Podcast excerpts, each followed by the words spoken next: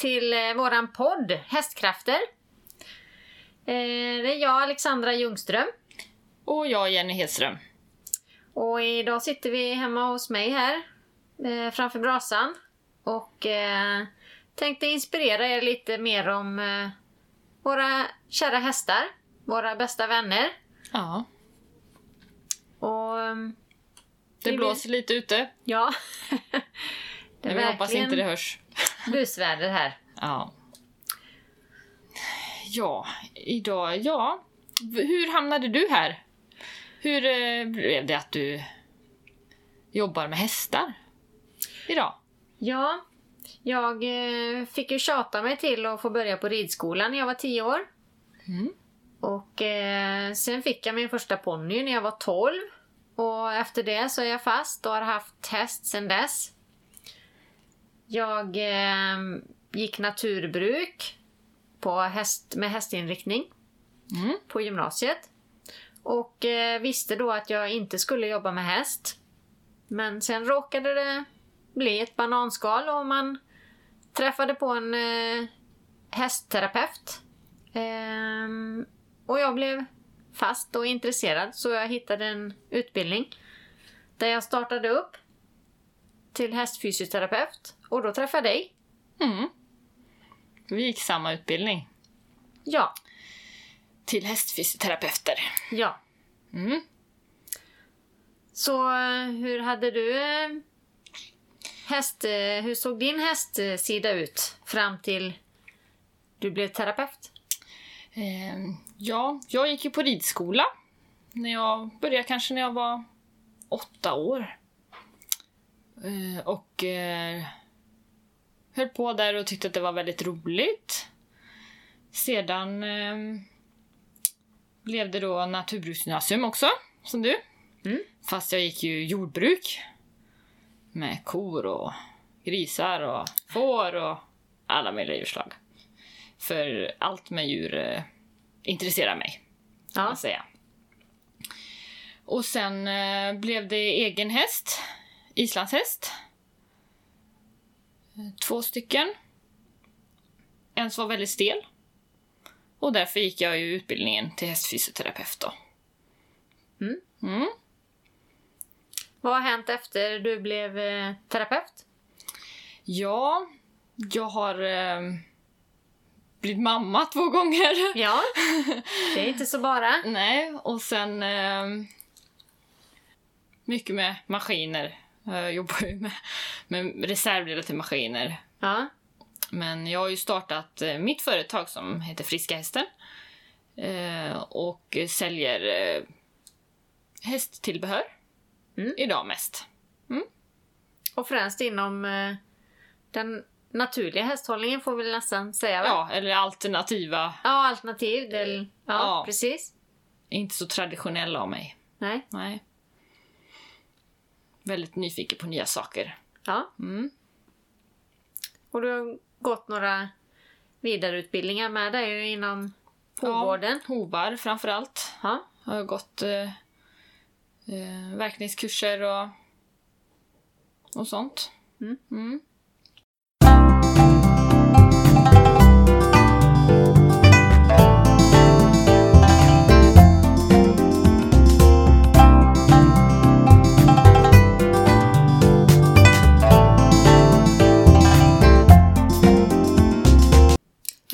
Och du har ju också egna hästar.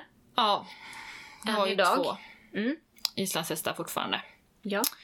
Och de... Eh, en som är ett sto på 18 år. Saita från Ränteröd.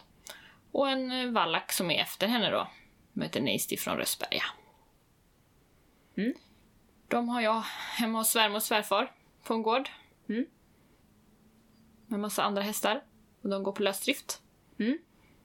Och du har några Ja, hästar. jag har eh, en hel armé nästan. Ja. är lite för många just nu men eh, det är svårt att göra sig av med familjemedlemmarna. Ja. De är fyra stycken just nu. Eh, och det är stor spridning. Eh, allt ifrån eh, shetlandsponny Eh, och ett par snäpp emellan upp till eh, en gigantisk travhäst. Som eh, tanken är att kanske komma ut på monté framöver. Bred kunskap men också brett intresse. Så ridning, körning, tömkörning är mina bitar. Eh, och så har jag kommit in lite på travet nu då.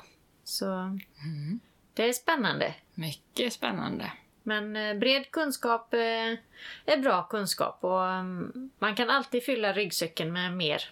Kunskapen väger ju ingen, ingenting Nej. att bära. Nej.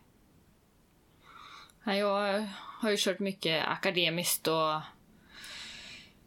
markträning och NH, klicketräning med häst Mm. och sånt. Men just nu är det mest eh, islandsridning med en liten uns av akademisk ridkonst. Ja, jag, jag hjälper ju många hästmänniskor. Det är ju en del i mitt arbete, Mm. eh, i mitt företag. Eh, både instruerar inom tömkörningen som är ju lite mitt special, eh, min specialkompetens eftersom jag är kusk i botten. Jag har själv kört och tävlat mycket förr. Men nu har jag även gått in mer på ridsidan och instruerar även ryttarekipage. Och också, precis som du säger, eh, mycket utifrån hästens eh, fysik och biomekanik och egen balans och bärighet. Så jag håller mig lite utanför den traditionella tävlingsridning kan man säga. Mm. Fast ändå så är det ditåt man strävar om man, man har fått en, en eh, bärig och balanserad häst så presterar den bättre på tävlingsbanan. Mm.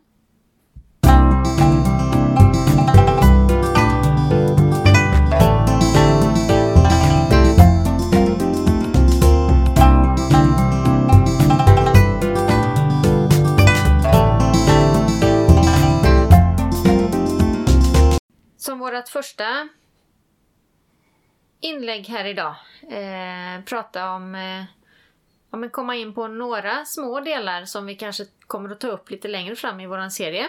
Mm. Eh, det första är väl lite grundläggande behov som faktiskt, ja, som det låter. Det är ju Ja. verkligen basic för att hästen ska kunna må bra och fungera. Ja, hästens grundläggande behov. Ja, Mm.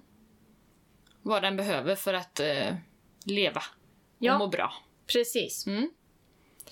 Så det första är väl eh, som man kanske enkelt tänker på födan, Ja. maten. Mm. Vad ska hästen äta? Och För vi att må gillar bra. ju grovfoder. Ja. Allting hänger på grovfodret. Ja, Ett bra grovfoder med bra kvalitet. Inte något mögligt, dammigt hö här inte. Utan, och ett balanserat näringsinnehåll. Ja. Så behöver vi inga kraftfoder heller. Nej. Även... Eh, Ta analys. ja, precis. Det är viktigt att Det ha analysen så man vet faktiskt vad man ger hästen. Mm. För då blir det billigare i sista änden. Både utifrån hästens eh, hälsa, men också våran plånbok. Ja. Om vi slipper att köpa massa extra kraftfoder. Extra tillskott. Det Ja. behövs ju inte om man har ett bra välbalanserat grovfoder. Ja. Och hästens mage. Mm. Den är ju verkligen gjord för att äta gräs och Ja. grovfoder. Så Ja. hästen blir glad. Och det tar lång tid att äta, till skillnad från kraftfodret. Mm. Eh, Men tyvärr är det många hästar idag som de får väldiga mängder med kraftfoder. Ja. Eh, Och det kan ju tyvärr sätta sig som sina... Det blir lite spår, både mentalt och fysiskt. Mm. Eh, Väldigt många hästar som har magsår idag. Ja, Väldigt många. Man tror inte att det är så många. Så det är väldigt viktigt med Ja. fodret. och att man Grovfoder. faktiskt eh, tänker basic. Ehm, många tänker ju att när hästen blir lite loj så behöver den mer kraftfoder. Men egentligen så kan det vara precis tvärtom. Kroppen kanske eh, jobbar för högtryck för att försöka att ta hand om allt eh, all stärkelse och socker man stoppar i dem. Och istället kan man få bättre gensvar om man skulle minska kraftfodret eller trappa ner och ta bort det helt. Så får man bättre funktion i hästens kropp. Ja. Och den kan frigöra sig från slaggprodukter. Och... Men som sagt var, grovfoder det gillar vi. Mm. Och det förespråkar vi, verkligen. Ja. För hästens välbefinnande.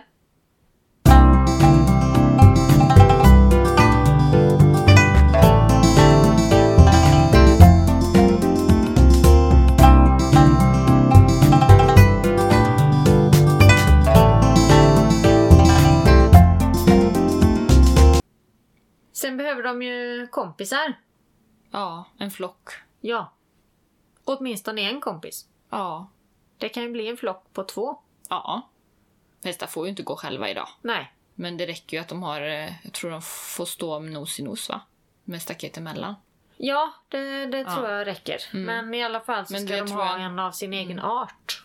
Ja. Mm. Men hästar mår ju bra av att, att vara nära sina kompisar. Ja. Klia varandra och... De får väldigt mycket utav att, att kunna socialisera Mm. fysiskt med varandra. Ja. Precis som vi människor. Ja, Social precis. kontakt är väldigt viktigt. Ja, Annars blir man ju deprimerad. ja, Och det är samma med hästarna. ja, verkligen.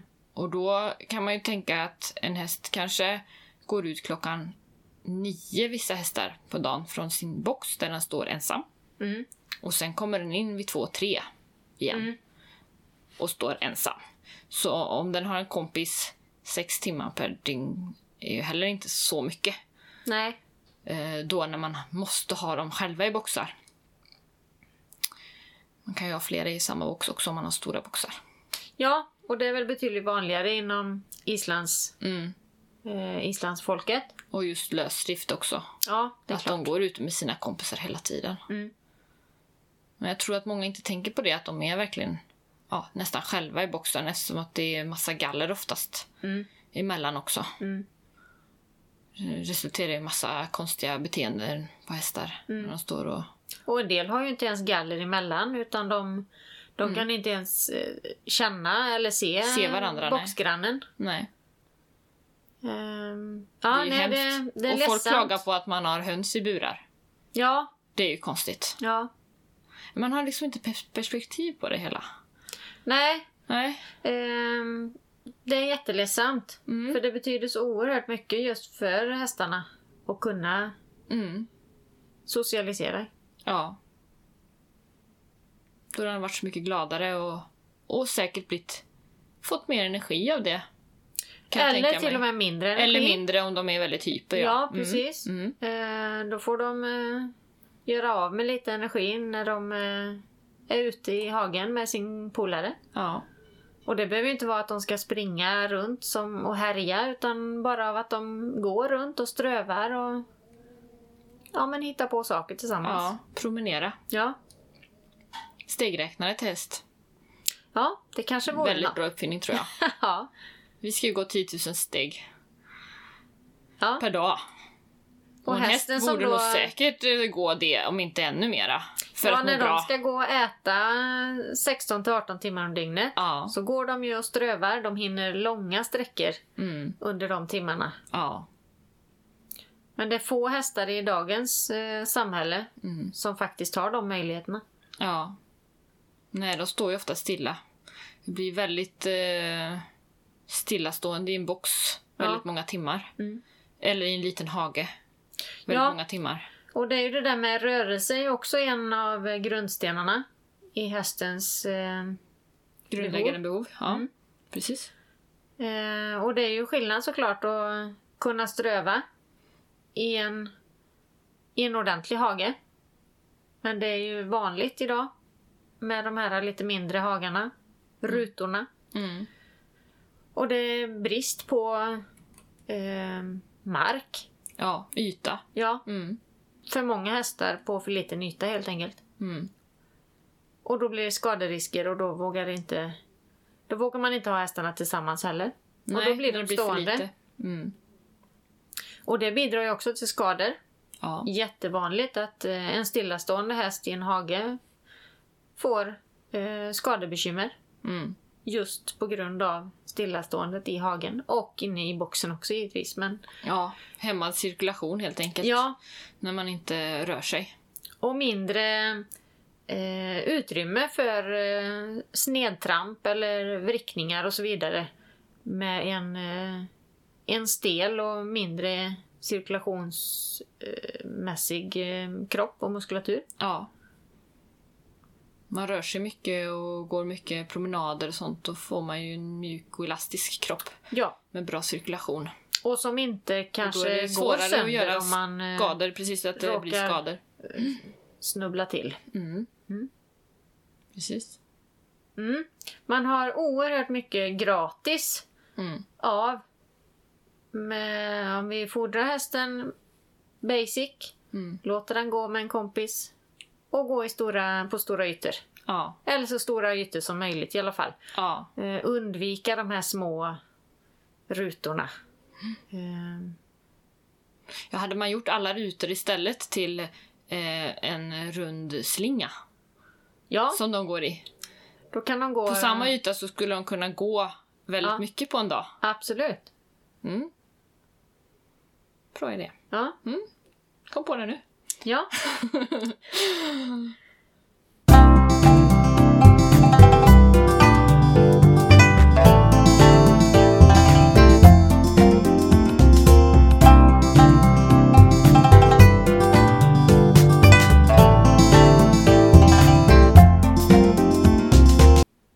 Hovvården, Ovården. den är väldigt viktig. Det här gamla hedliga ordspråket. Utan hov, ingen häst. Ja. Det, det stämmer ju verkligen. Ja. Det är den du ska belasta hela tiden Ja. i rörelsen. Mm. Och vi har ju vår hästar som tränings... Ja. Elitidrottare. Ja, Eh, oftast. Ja. Mer eller mindre. precis. Ja. Och då måste de ju prestera. Så en god hovvård, det är ju verkligen A och O Ja. för att resten av kroppen ska fungera. Mm. Eh, och generellt skulle jag tycka, eh, jag träffar ju mycket hästar och deras människor. Eh, tyvärr är det en ganska låg nivå på kunskapen kring hovar och hovvård. Mm. För man, givetvis, man ska ju kunna lita på sin eh, hovvårdare, Ja. hovslagare eller barfotaverkare.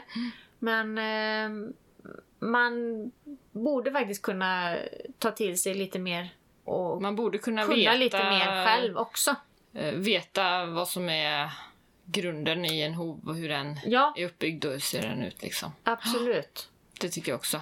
Man borde vara mer intresserad av det Ja, som hästägare. för det är så viktigt. Ja, Det, och det är intressant när man verkligen börjar att lära sig mer. Men så är det väl med allt. När man väl ja, grottar in sig i det så det är jättespännande med hovar. Jag har ju själv gått med som eh, lärling. ja du är ju Eh, så jag, hovslagare eh, typ. Ja, jag är ju inte riktigt färdig men eh, ja, jag känner mig trygg med att sko och verka. Mm. Eh, så att, och det är jätteintressant med, med hovvården. Och eh, alltså se... Nej, jag är riktig hovnörd. Alltså jag, jag filar ju på mina egna hästar hela tiden. Ja, Och så får jag verka svärmors hästar när hovslagaren har ont i ryggen. Mm. så jag, jag har ju bara gått barfotaverkningskurser. Mm. Och min mor gick hela den utbildningen då på SAN HCP okej. och blev barfotaverkare. Mm. Hovvårdare kanske man kallar det. Eh, Så jag har ju inte haft några skor på mina hästar. Nej. Eh, Så mitt sto har kanske... Hon hade nog skor när hon reds in. Men sen när jag köpte henne så var hon högdräktig så då hade hon inga skor. Så hon har inte haft det sen dess. Nej. Och min vallack då, han har ju aldrig haft några såna järnskor på sig då. Nej. Men eh, de har ju haft värse massa olika gympadojor. Ja. Jag tycker att eh, en häst som ska motionera och springa mycket, den ska bara ha ett par bra gympadojor. Ja. Och inte ha några hårda järnskor stumt spikade på sig. Ja, det kan funka bra med både och. Jag har ju själv Ja. både oskodda och skodda hästar. Mm.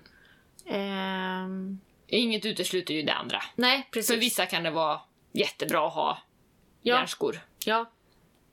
Och vissa har ju till och med svårt att eh, Och vissa inte kan kan, röra sig jobbigt med ordentligt i hagen också. ens utan eh, skor. Mm. Eh, och det är svårt om de ska gå i, i gympadojor eh, större delen av dygnet. Ja. Det är ju det som är... Det forskas ju väldigt mycket på detta just nu Mm. i USA och de tar ju fram nya saker hela tiden. Mm. Eh, För den här gamla järnskon är ju väldigt gammal. Mm. Den har vi ju haft på hästarna sen ja, jättelänge sen det uppfanns. Mm. Ja. Jag kan inte säga det nu hur länge sedan det var, men det var väldigt länge sedan. Mm. Och nu finns det ju väldigt mycket material och olika saker Mm. eh, som man inte behöver spika på. Utan man kan eh, ja, Ja, det finns ju en del lim, eh, limmande Ja. varianter va? Mm, precis. Men nu senast har jag sett att det är en slags hovwrap. En eh, linda. Som man lindar runt eh, hovväggen. Okej. Eh, som man fäster själva järnskon eller plastskon i då. Jaha. Och med det kan man ha just skorna bara när de ska prestera eller när de ska... Så att grejen är att man kan ju spika fast en sko på hästens hov. Men man behöver inte ha den hela tiden. Det är det som är lite... Mm. Men du kan ju inte spika en sko hur många gånger som helst. Nej. Eh, för då försvinner ju liksom hovväggen typ. Mm. Eh, så där är ju dilemmat då. Att du ska kunna ha skor för att prestera Mm. och träna och så. Men du kan ta av dem för att gå i hagen eller vara inne eller så. Mm. Så det bästa är ju det bästa från två världar. Mm. Ja. Det är jätteintressant. Men mina har gympadojor. Mm. Mm.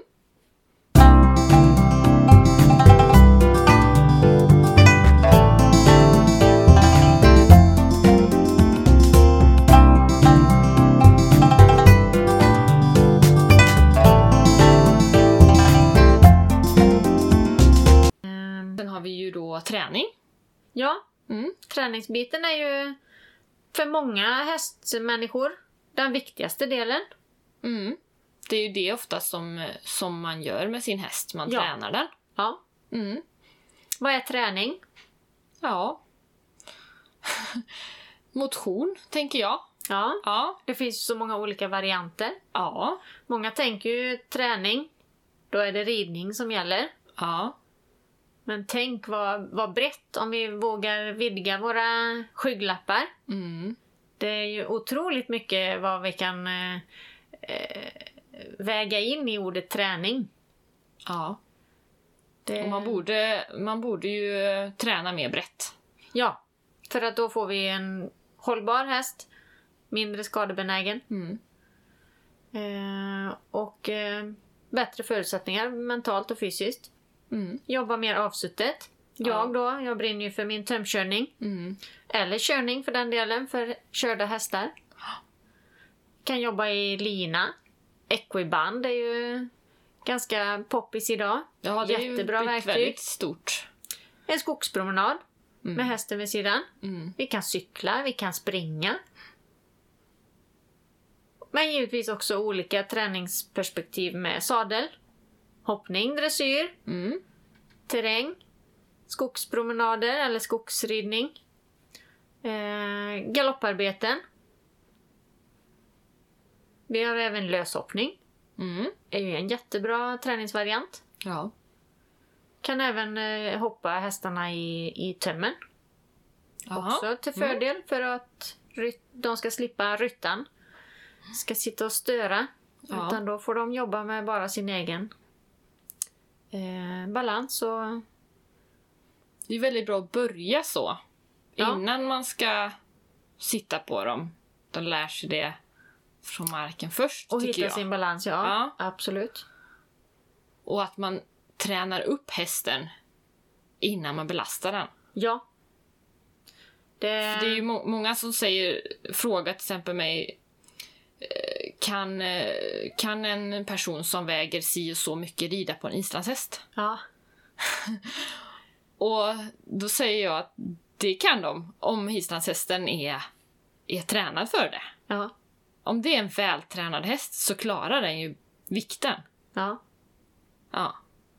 Men annars så, alltså en, en inte tränad islandshäst klarar inte någon sån vikt. Så det är ju väldigt individuellt liksom. Mm. Jag kan tänka på, på ponnys också, och på stora hästar också. Ja, ja. Absolut. Bara för att det är en stor häst på 1,65 så menas inte det med att då kan man en vuxen kar sitta på den. Utan det krävs ju att den är byggd och tränad och Du tar- bärig ja. för att bära upp den vikten. Precis. Vi själva på gymmet tar ju liksom inte 100 kilo direkt Nej. i bänkpress. Nej. Utan vi får ju ta lite, några kilo åt gången liksom och Ja. bygga på detta under rätt så lång tid. Ja, För att musklerna ska klara det. Ja. Det är precis samma på en häst. Eh, och det allra viktigaste kanske också är just att hästen eh, är trygg med sin egen eh, balans. Ja. och eh, har hittat sin eh, bålstabilitet så att de faktiskt kan bära upp ryttan. För att eh, har de inte fått med sin magmuskulatur och lyfter ryggen underifrån då tär vi mycket på diverse eh, Mm. vävnader i kroppen. Ja. Precis. Det blir mycket skador av det. Ja, Så det Något finns annat? mycket med träning. Ja, Ja. Eh, något annat som är väldigt, väldigt viktigt och det är ju också tyvärr idag så kommer vi in mer och mer på eh, ensidigt arbete. Inte bara i disciplin utan även i underlag. Mm. Eh, underlagen är ju oerhört viktiga. Mm. Och att man varierar på underlag. Ja. Och gärna att man eh, passerar minst två underlag varje pass. Ja. Eh, Exempelvis ska man in på banan och trimma sin dressyr. Att man passar på att skritta fram och skritta av ute på grusväg eller kanske till och med på asfalt. Mm. Jättebra. Ska vi ut i skogen, vi kanske ändå passerar en bit eh, asfalt eller hård grusväg. Jättebra, varierande. Eh, och att man också kanske undviker allt för mjuka underlag. För det är... Ja, det jag kan inte se något. Ja, det är väldigt, leder. väldigt illa för eh, senor och leder och ligament. Mm. Och även om man går på väldigt hårda väldigt mycket. Ja, Det är inte heller bra. Skritt är ju för helt okej. för- ja, eh, Men som sagt var att man också ökar suc- successivt där. Mm. Nej, men jag vet bara när att jag går på betonggolv på jobbet Ja, rätt så mycket. Ja. Får ju fruktansvärt ont i fötterna om man Ja. inte har en bra sko då. ja, Och om man skulle gå i träskor på jobbet så hade jag ju typ varit halt vid det här laget. ja. Absolut. Och trä är ju ändå lite mjukare än järn. Ja, Men det är väldigt bra. Olika underlag. Mm. ja. Det, det vinner man eh, oerhört mycket på. Mm. Så variation i träningsupplägg Träning och och, underlag. underlag. Mm. Mm.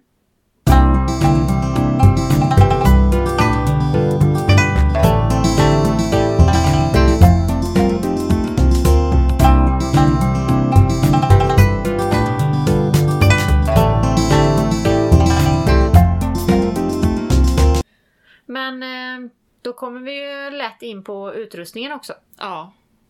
För där har vi också, ska de kunna bära upp den där tunga ryttaren till exempel som vi var inne på. Då krävs det ju en passande sadel Ja. som passar både hästen men också ryttaren. Mm. Precis. Du har ju gått en sån utbildning, eller kurs, med sits, Ja, jag har ju sitsanalys. varit inne på eh, VBR där, vertikal balanserad ridning. Mm. Där man eh, verkligen fick inse hur, hur sadeln kan påverka ryttaren till att hamna i en felaktig eller i en korrekt sits och eh, hamna i ett, med ett neutralt, en neutral position i bäckenet. Mm. Eh, och det hade man ju kanske inte tänkt på innan så. Utan eh, man tänker att en del människor är exempelvis svankryggiga. Och man sitter och blir spänd i ländryggen. Mm. Typiskt Men- mig. Men i själva verket så beror det på att sadeln placerar människan faktiskt fel. Att sadeln är så smal så att vårt bäcken tippar framåt. Ah. Mm. Så utrustningen är Ja. ju jätteviktig och att vi Koll faktiskt kollar, ja, ja. kollar av den med regelbundenhet. Ja. Både hästen och man själv ändrar ju sig. Ja. Eh, med muskulatur och sånt. ja. Kanske Eh, kolla sadeln en gång, också. i, en gång i månaden. Ja. Absolut. Och att man faktiskt ja, men plockar av schabraket och paddar och allt vad man Mm. har på. Och sen lägger vi på sadeln och tittar. Så man, man kan bara se och känna och lära. Eh, och lära känna sin häst och sin sadel. Mm. Och se om någonting har ändrats. Och sen om man behöver vidare hjälp så tar man ju kontakt med och en eh, vidare kunnig inom sadelområdet. Sadelutprovare eller Mm. tillpassare. Eller många terapeuter, massörer, kiropraktorer. De eh, tittar ju också över utrustningen till exempel. Ja, man ser ju väldigt tydligt om utrustningen skadar hästen eller att Ja. den har fått ont av just utrustningen eller om det är något annat Mm. som är fel. När man känner över dem. Men sadeln är ju en... Det är verkligen en djungel så att det, det är inte lätt att vara hästägare. Nej, det är ju så att eh, bomsadlarna, de, de är ju som de är. Liksom. De har ju en uppbyggnad som är en, en, en bom. Mm. Och den är ju eh, en viss form på. Mm. Som verkligen ska passa precis på hästen. Mm. Eh, även när den går i form. Mm. När den böjer på sig. Och när den inte går i form utan går upp med huvudet när man rider ut och är ett stissig. Ja. Det kan ju vara en utmaning. Just Ja. för att den är ju inte... Den formar ju inte om sig då. Nej. Den är ju liksom rak. Eller böjd, eller Ja. vad det nu är. ja, precis. Sen på en väldigt stor häst så är det ju väldigt liten yta som egentligen sadeln ligger på. Mm. På, på din stora häst där, vad, vad är i mankhöjd? Han är un- 1,73 ungefär. Ja, precis. Då din sadel kanske ligger framme på bröstryggen liksom. Ja, eh, jag, där framme. Jag och det når är ju inte så- ländryggen i alla fall. Nej, och det är ju liksom rätt långt bak då. Så då, där, liksom, där är det ju rätt så stabilt Ja. läge. Det, det liksom rör sig inte så jättemycket där. Nej. Om han skulle höja ryggen eller så. För ländryggen rör ju sig väldigt mycket. Mm. Och eh, även om han böjer sig så är det ju så kort yta så att det liksom böjer sig inte så mycket i den ledden Nej. på den stora hästen. Däremot min, min lilla storhäst Ja, som bara är 1,53 ja, och är jättekort i ryggen. Mm. Det är jättesvårt sadelläge. ja. Det är så svårt att hitta sadlar till sådana hästar. Mm. Och även till ponnys eh, Ja. och breda ponnys och, och sånt. Det Mm. finns ju nästan inte så breda sadlar.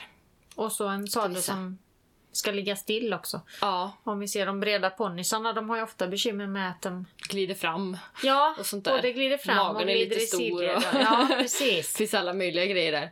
Och ibland kan ju barbacka vara bra i perioder liksom. Ja, och där är också en variant på uh, träningsupplägget. Ja, precis. Att man faktiskt rider barbacka. Skiftar utrustning kan man ju Ja, säga att man gör. Absolut.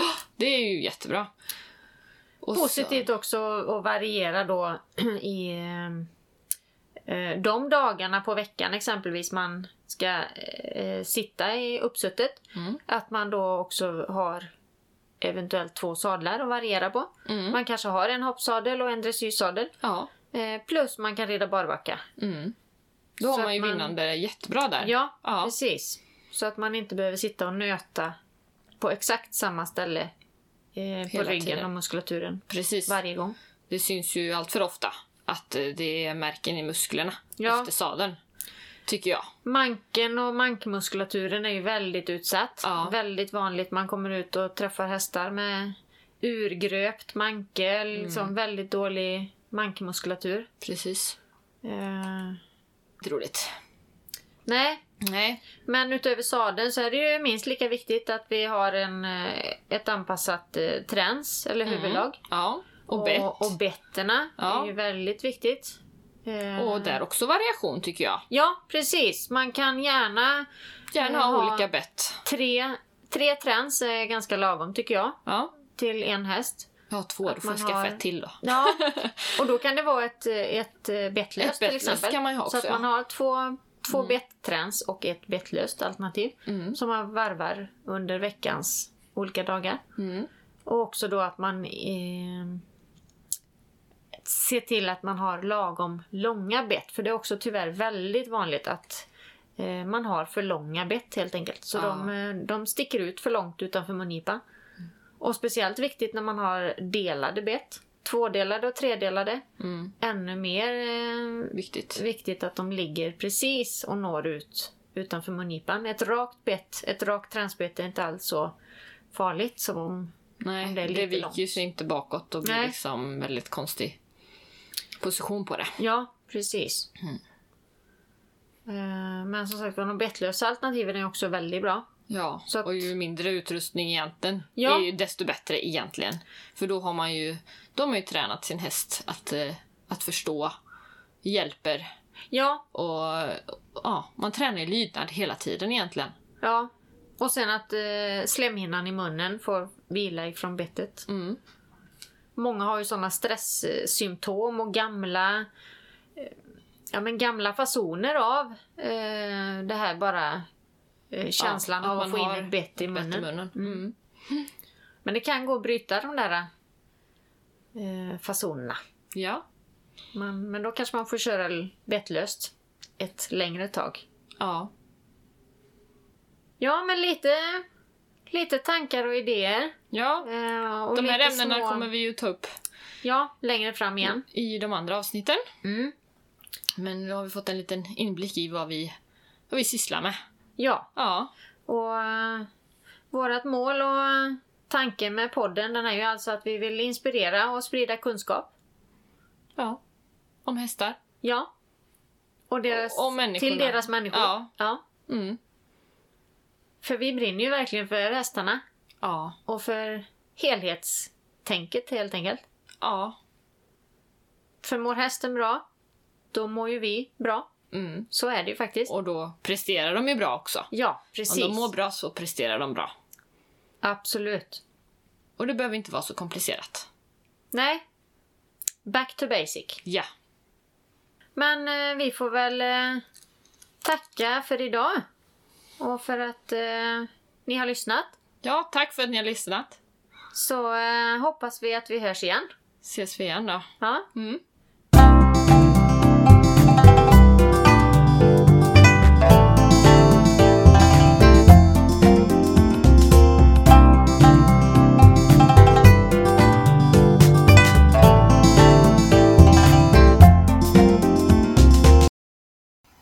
Nu har ni hört vårt första pilotavsnitt. Och eh, vi är väldigt nyfikna på vad ni vill höra mer om. Och eh, vad ni tyckte var väldigt intressant som, som ämne. Som ni vill eh, att vi grottar in oss i riktigt djupt. Ja, och vi vill gärna få kommentarer och feedback om eh, vad ni tyckte om detta avsnittet. Eh, och kanske även eh, vad ni vill höra om i framtida ämnen som vi kan fortsätta att prata om. Mm. Mm. Sen kommer ju vi släppa resten av podden fram till hösten. Japp. Mm. Så eh, fram till dess så hoppas vi ni hör av er. Ja! Ha det gott!